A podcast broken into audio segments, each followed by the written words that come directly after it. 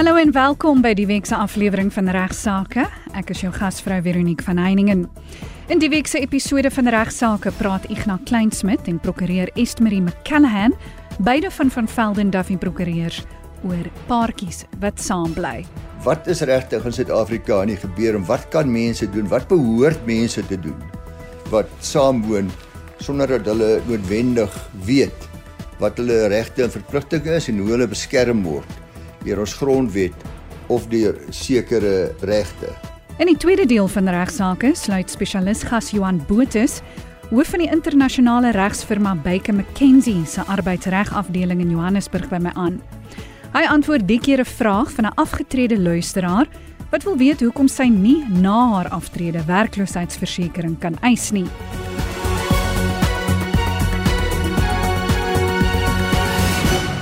Begin nou die program met Ignas Kleinsmid en Estmarie McCallahan, beide van van Velden Duffy Prokureurs in Rustenburg, wat die week praat oor mense wat saam bly en hulle regte ten opsigte van wetgewing wat nie op hulle van toepassing is nie, aangesien hulle nie getroud is nie.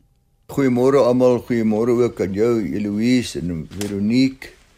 Al ons luisteraars, soos altyd regtig 'n voorreg om hier te kan gesels.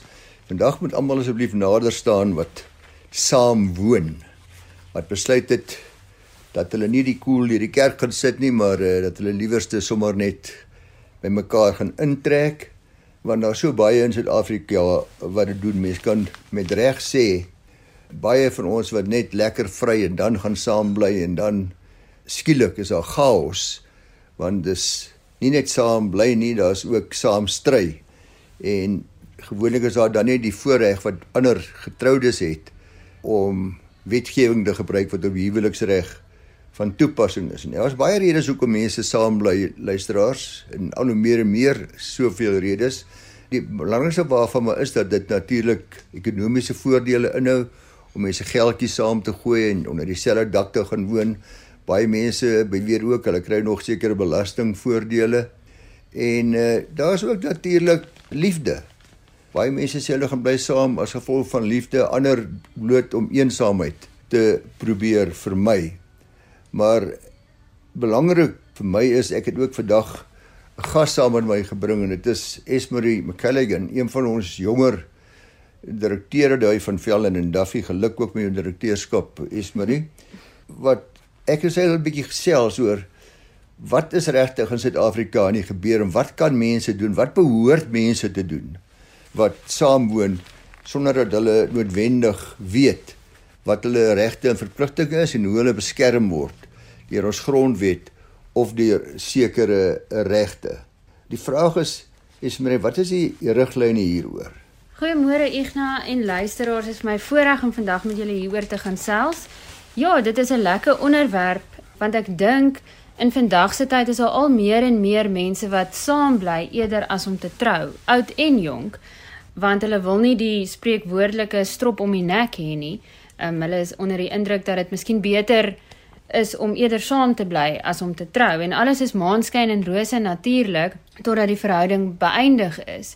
En dit is dan wanneer ons die kliënte kry wat voor ons kom sit En nie net is dit ook 'n traumatiese ervaring vir hulle op daai stadium nie, maar dikwels gaan die beëindiging van die verhouding ook gepaard met hulle finansies wat in skerwe is op daardie stadium as gevolg van die manier hoe hulle heen en weer die geld en die bates verdeel het tydens die bestaan van hierdie verhouding. Ja, jy sien sulke paartjie sal dikwels ook gesamentlike finansiële verpligtinge aanvaar.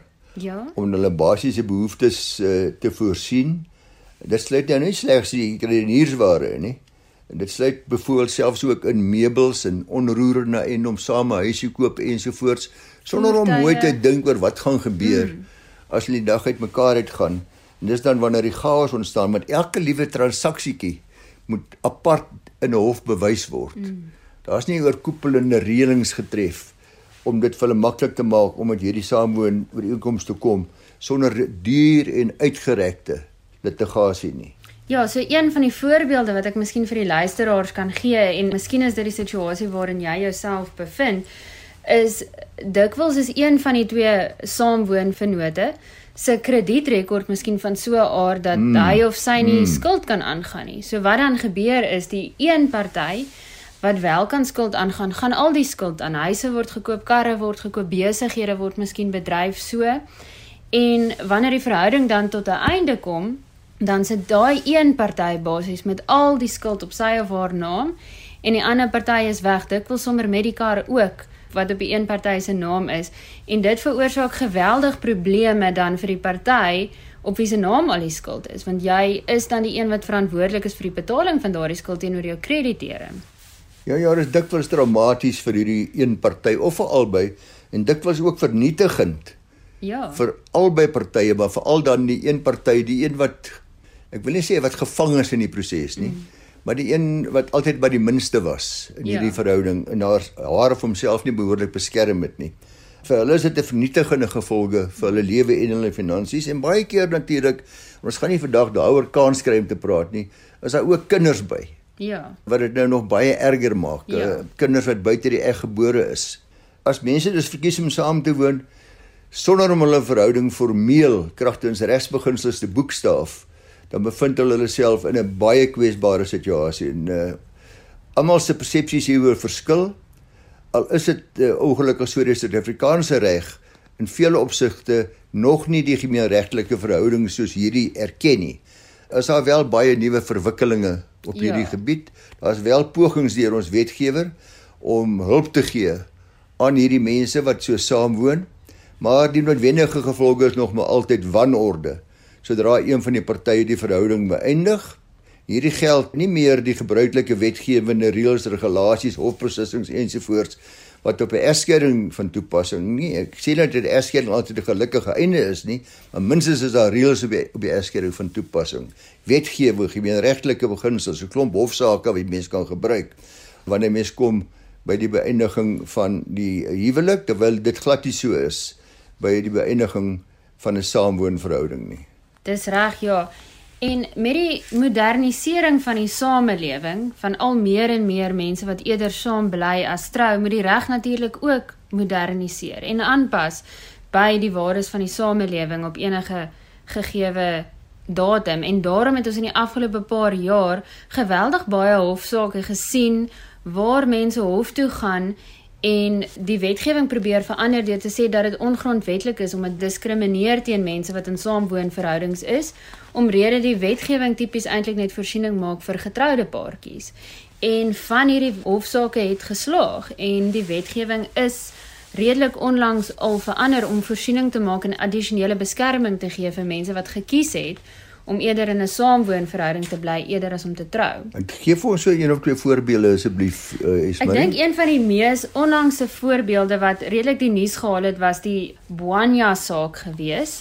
Nou net om 'n tree of twee terug te gee in die vroeë 2000s was daar die toonaangewende saak beslis Volksteen Robinson.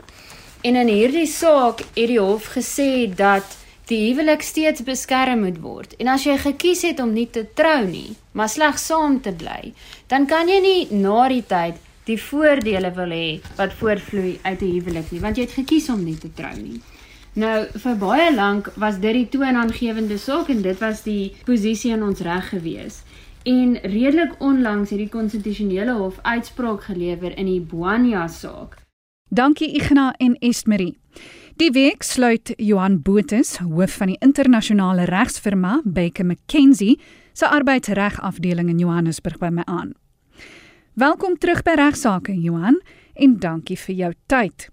'n Luisteraar het vir ons 'n vraag gestuur waar sy wil weet hoekom sy nie werkloosheidsversekering kon eis na haar aftrede nie. Sy het haar eis langer as 6 maande na haar aftreedatum ingedien en haar eis is toegeweier. Maar net kortliks voor ons praat oor wat haar te doen staan. Johan, kan jy net 'n bietjie agtergrond gee oor wat werkloosheidsversekering is? Werkloosheidsversekering is in beginsel 'n versekeringsproduk wat 'n uh, werknemer sal uitneem om dekking te gee teen werksverlies, afdanking en dit sal die werknemer dan 'n uh, dekking gee, 'n betaling of uitbetaling aan die werknemer verseker sou die werknemer werk verloor. Daar's privaat produkte beskikbaar. Die meeste uh, versekeringsmaatskappye sal aan 'n 'n werknemer versekerings bied teen 'n premie wat die werknemer dan sal verseker van 'n betaling op afdanking gewoonlik vir afdanking vir boetalligheid of afdanking as gevolg van 'n mediese toestand of mediese ongeskiktheid. Maar in Suid-Afrika het die staat ook werkloosheidsversekeringsfonds geskep. So daar's 'n staatsproduk wat beskikbaar is vir werknemers wat aan hulle 'n uh, dekking gee, aan hulle betaling uitbetaal indien die werknemer al werk verloor en daar seker ander kategorieë van dekking wat ook beskikbaar is in terme van die werkloosheidsversekeringsfonds. Goed. Nou, hoe werk die dekking van die werkloosheidsversekeringsfonds wat deur die staat geskep is? Moet ek aansoek doen vir dekking of is daar bydraes wat moet betaal word en wat staan 'n werknemer te doen om deel te neem aan die fonds? In terme van die wetgewing moet elke Suid-Afrikaanse werkgewer bydraes lewer aan die werkloosheidsversekeringsfonds. Daai bydrae bestaan uit 1% van die werknemer se salaris. So elke werknemer staan af aan die werkloosheidsversekeringsfonds 1% van salaris tot by 'n maksimum vlak en die werkgewer dien ooreenkomstig betaal ook 1% van die werknemer se salaris oor aan die werkloosheidsversekeringsfonds. So alle werknemers word gedek deur die fonds sonder dat jy hoef aansoek te doen vir die fonds. Die werkgewer het daai verpligting om die reëlings te tref om seker te maak dat alle werknemers gedek word deur werkloosheidsversekering. Wat dek die fonds? Kan ek bedank van my werk en dan op die betalings van die fonds gaan lewe? Ongelukkig dek die werkloosheidsversekeringsfonds nie alle forme van diensbeëindiging nie. Die werkloosheidsversekering gedeelte van die fonds dek werknemers waar hulle hulle diens verloor. So as daar 'n een eensidedige diensbeëindiging van die werkgewer is, 'n afdanking, dan kan die werknemer werkloosheidsversekering eis in terme van die fonds. As jy self as werknemer sou bedank of as jy aftree, soos ons luisteraar gedoen het, is jy nie geregtig op 'n voordeel in terme van die werkloosheidsversekering wetgewing nie. Die wetgewing beskerm slegs werknemers wat hulle werk verloor as gevolg van 'n besluit wat deur die werkgewer geneem is. Die een uitsondering op daai reël is waar 'n uh, werknemer konstruktiewe ontslag eis by die KVBA. Dit is waar die werknemer dan bedank, maar die rede vir die bedanking is as gevolg van die werkgewer se verkeerdelike gedrag wat die werkgewer die diensverhouding onuithoudbaar gemaak het. So as 'n werkgewer bedank en konstruktiewe ontslag eis en 'n saak by die KVBA handig maak, kan hulle nog steeds werkloosheidsversekering eis in terme van die wetgewing. So jy kan nie bedank en voordeel trek tensy jou bedanking konstruktiewe ontslag is nie dek die fonds enigiets anders as werksverlies? Inderdaad, daar's baie werknemers wat nie bewus is van die feit dat hulle dekking het vir 'n reeks ander gebeurtenisse ook in terme van die werkloosheidsversekering wetgewing nie. So 'n werknemer wat bydraes lewer aan die werkloosheidsversekering fonds het sekerlik die dekking vir werksverlies vir werkloosheid, maar daar's ook 'n dekking wat jy kan kry in voordeel wat jy kan uitbetaal word aan jou in terme van ongeskiktheid, mediese ongeskiktheid, swangerskap wanneer jy op swangerskapverlof is, ouerskapverlof in terme van die wet op basiese diensvoorwaardes, aannemingsverlof en iets wat min werknemers ook weet is dat daar 'n voordeel is vir afhanklikes. So indien jy 'n afhanklik het en in 'n geval byvoorbeeld waar jy 'n ouer verloor en jy is afhanklik van die van die ouer gewees en die ouers se salaris, het jy 'n eis wat jy kan instel in terme van die werkloosheidsversekeringswetgewing wat 'n uh, voordeel betaal aan afhanklik is. So, ons luisteraar kan nie werkloosheidsversekering eis nie, nie omdat daar eis laat is nie, maar omdat aftrede nie gedek word nie of hoe Dis inderdaad korrek. Aftrede is nie een van die redes vir diensaflegging wat 'n werknemer in staat sou stel om 'n uh, eis in te sit vir werkloosheidsversekeringsdekking in terme van die van die fonds nie. Natuurlik, jy kan jou eie pensioen of voordeelfonds kan jy ehm um, voordeel trek uit watse dekking jy ook al het in terme van dit en staatspensioen indien jy sou kwalifiseer vir vir so 'n voordeel, maar jy het nie 'n reg op voordele vir afdanking in terme van die werkloosheidsversekeringswet sou jy aftree in die normale loop nie. Wat die tydperk aanbetref, die 6 maande waarvan ons luisteraar praat, dit is inderdaad korrek dat 'n werknemer wat 'n voordeel wil handig maak of 'n eis wil indien, moet dit binne 6 maande doen.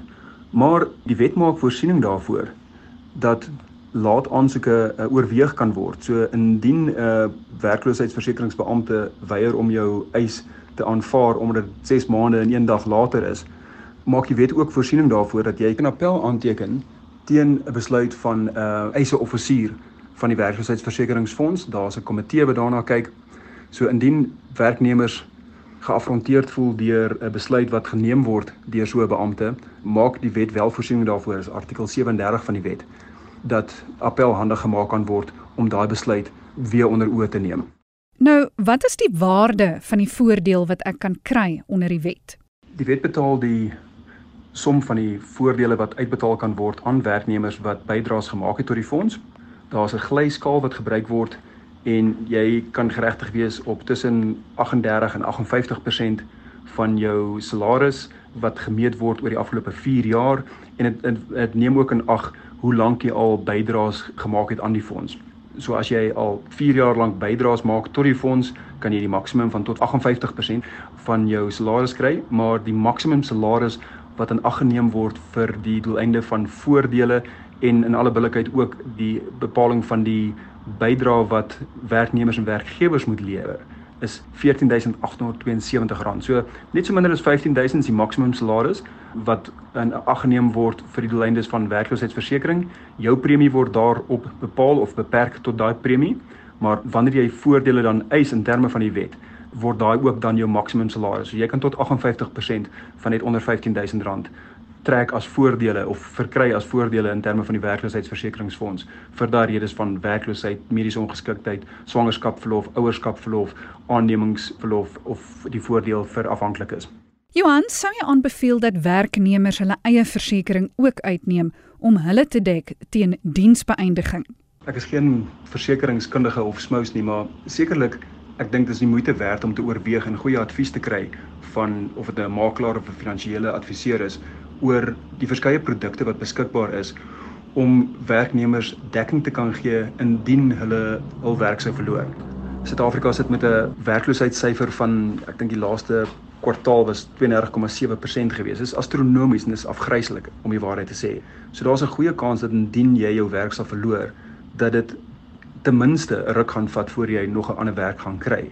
So ek dink dit dit maak sekerlik sin om 'n tipe van dekking of versekerings te hê vir hierdie gebeurtelikheid en ek kan vir jou sê as 'n arbeidsprokureur daar's menige werkgewers wat deur herstrukturering en afleggingsprosesse gaan op die oomblik en ek sien nie dit verander in die nabye toekoms nie. So die risiko van werksverlies is, is sekerlik daar vir meeste werknemers. Daar's verskeie maniere hoe jy kan verseker teen dit. Jy kan self verseker, jy kan self net besparings maak. Daar is verskeie produkte van die banke selfs indien jy 'n lening sou uitneem by hulle kan jy dekking kry vir werksverlies as gevolg van aflegging byvoorbeeld. So dis definitief die moeite werd om 'n gesprek te hê met 'n kundige om te sê hoe deel ek daarmee? Wat is my opsies van 'n finansiële dekkingperspektief? Sou ek werk verloor? Sal ek kan oorleef en sal ek my verpligtinge kan nakom deur net werkloosheidsversekering uh, te eis in terme van die staat se fonds of het ek addisionele dekking of 'n of 'n verdere plan nodig om daarmee te kan help. Nou, wat ons luisteraar betref, is daar enige ander betalings waarop sy kan aandring op aftrede? Baie werkgewers neem deel aan pensioenfonde of uitreefondse en tot die mate dat ons luisteraar by so 'n werksplek gewerk het en sy deel was van so 'n fonds, sal sy geregtig wees op betaling in terme van die reëls van daai fonds. So 'n tipiese voorsorgfonds sal sê dat indien jou diens beëindig word, is jy geregtig op 'n sekere betaling. Dit kan 'n groot lompsom wees, dit kan 'n lompsom wees plus 'n pensioen wat jy kry oor 'n tydperk, maar dit is in terme van die reëls van die spesifieke fonds en dit is gebaseer op die bydrae wat jy gelewer het oor 'n tyd. Daar is nie 'n algemene betaling wat gemaak word aan werkgewers in die normale loop van omstandighede wanneer hulle op aftrede sou gaan nie. Aftrede is nie een van daai redes vir diensbeëindiging wat verseker dat 'n werkgewer 'n addisionele betaling moet maak aan die werknemer wie se diens nou beëindig word nie. Aftrede gebeur in terme van die van die dienskontrak waar die werknemer die ooreengekome of die normale aftreeouderdom bereik het in daardie werksplek. Daardie diensbeëindiging gebeur outomaties. Daar's nie 'n vorige proses nodig wat gevolg moet word vir daai diensbeëindiging om geskied nie. En afgesien van die pensioen of voorsorgfonds voordeel wat ons luisteraar kan trek, is hy nie enigiets verskuldig van die werkgewer nie. Op diensbeëindiging is elke werknemer geregtig dat die werkgewer hulle betaal watter geld hulle ook al skuld. So as jy 'n 'n eis ingesit het vir 'n uh, vir iets wat jy nog nie uh, teruggekry het van die werkgewer se kant af nie, jy het 'n petrol eis in vir 'n kliënt wat jy moes gaan sien, moet jy daardie eis klaar betaal en hulle moet jou ook jou opgehoopte verlof, die verlof wat jy nie geneem het nie in terme van die wet op basiese diensvoorwaarde, moet aan jou betaal word op diensbeëindiging en daai betaling is jy geregtig op maak nie saak wat die rede vir die diensbeëindiging is nie. Of jy nou op aftrede gaan of jy afgedank word as gevolg van wangedrag of van swak werksprestasie, selfs indien jy afgelê word as gevolg van boetalligheid. Onder alle omstandighede is jy geregtig op betaling van die geld wat die werkgewer jou sou skuld plus jou opgehoopte verlof in terme van die wet op basiese diensvoorwaardes. Indien jy boetallig verklaar is, jou pos boetallig verklaar is en jy word vir operasionele behoeftes van die werkgewer word jou diens beëindig. Dan is jy ook geregtig op 'n skeidingsloon of 'n skeidingspakket of 'n ontslagvergoeding. Daardie bedrag word bepaal in terme van die wet op basiese diensvoorwaardes en dit is onderhewig aan konsultasie tussen die werkgewer en die werknemer gedurende die proses wat lei tot die uh, tot die aflegging. En in terme van die wet mag dit nie minder wees as 1 week se vergoeding per voltooide jaar se diens nie. So die addisionele vergoeding waarop 'n werknemer geregtig is op diensbeëindiging wat so 'n skeidingspakket aanbetref is sleg van toepassing waar die rede vir die diensbeëindiging boetalligheid is of retrenchment soos wat ehm um, daar gereeld uh, daarna verwys word. Ongelukkig vir ons luisteraar is hy nie geregtig op so 'n betaling of so 'n pakket uit die aard uh, weet in die normale loop van omstandighede indien sy op aftrede sou gaan nie. Baie dankie aan Ignas Kleinsmid en Estmarie McCallahan van van Velden Duffy Prokureurs en natuurlik aan Johan Botus van Baker McKenzie vir hulle bydraes tot die aflewering van regsaake. Vir enige navrae stuur gerus 'n e-pos na my toe by vero@rsg.co.za en onthou dat die program op RSG se webtuiste onder die potgooi skakel beskikbaar is. Van my Veronique van Heiningen groete tot volgende keer.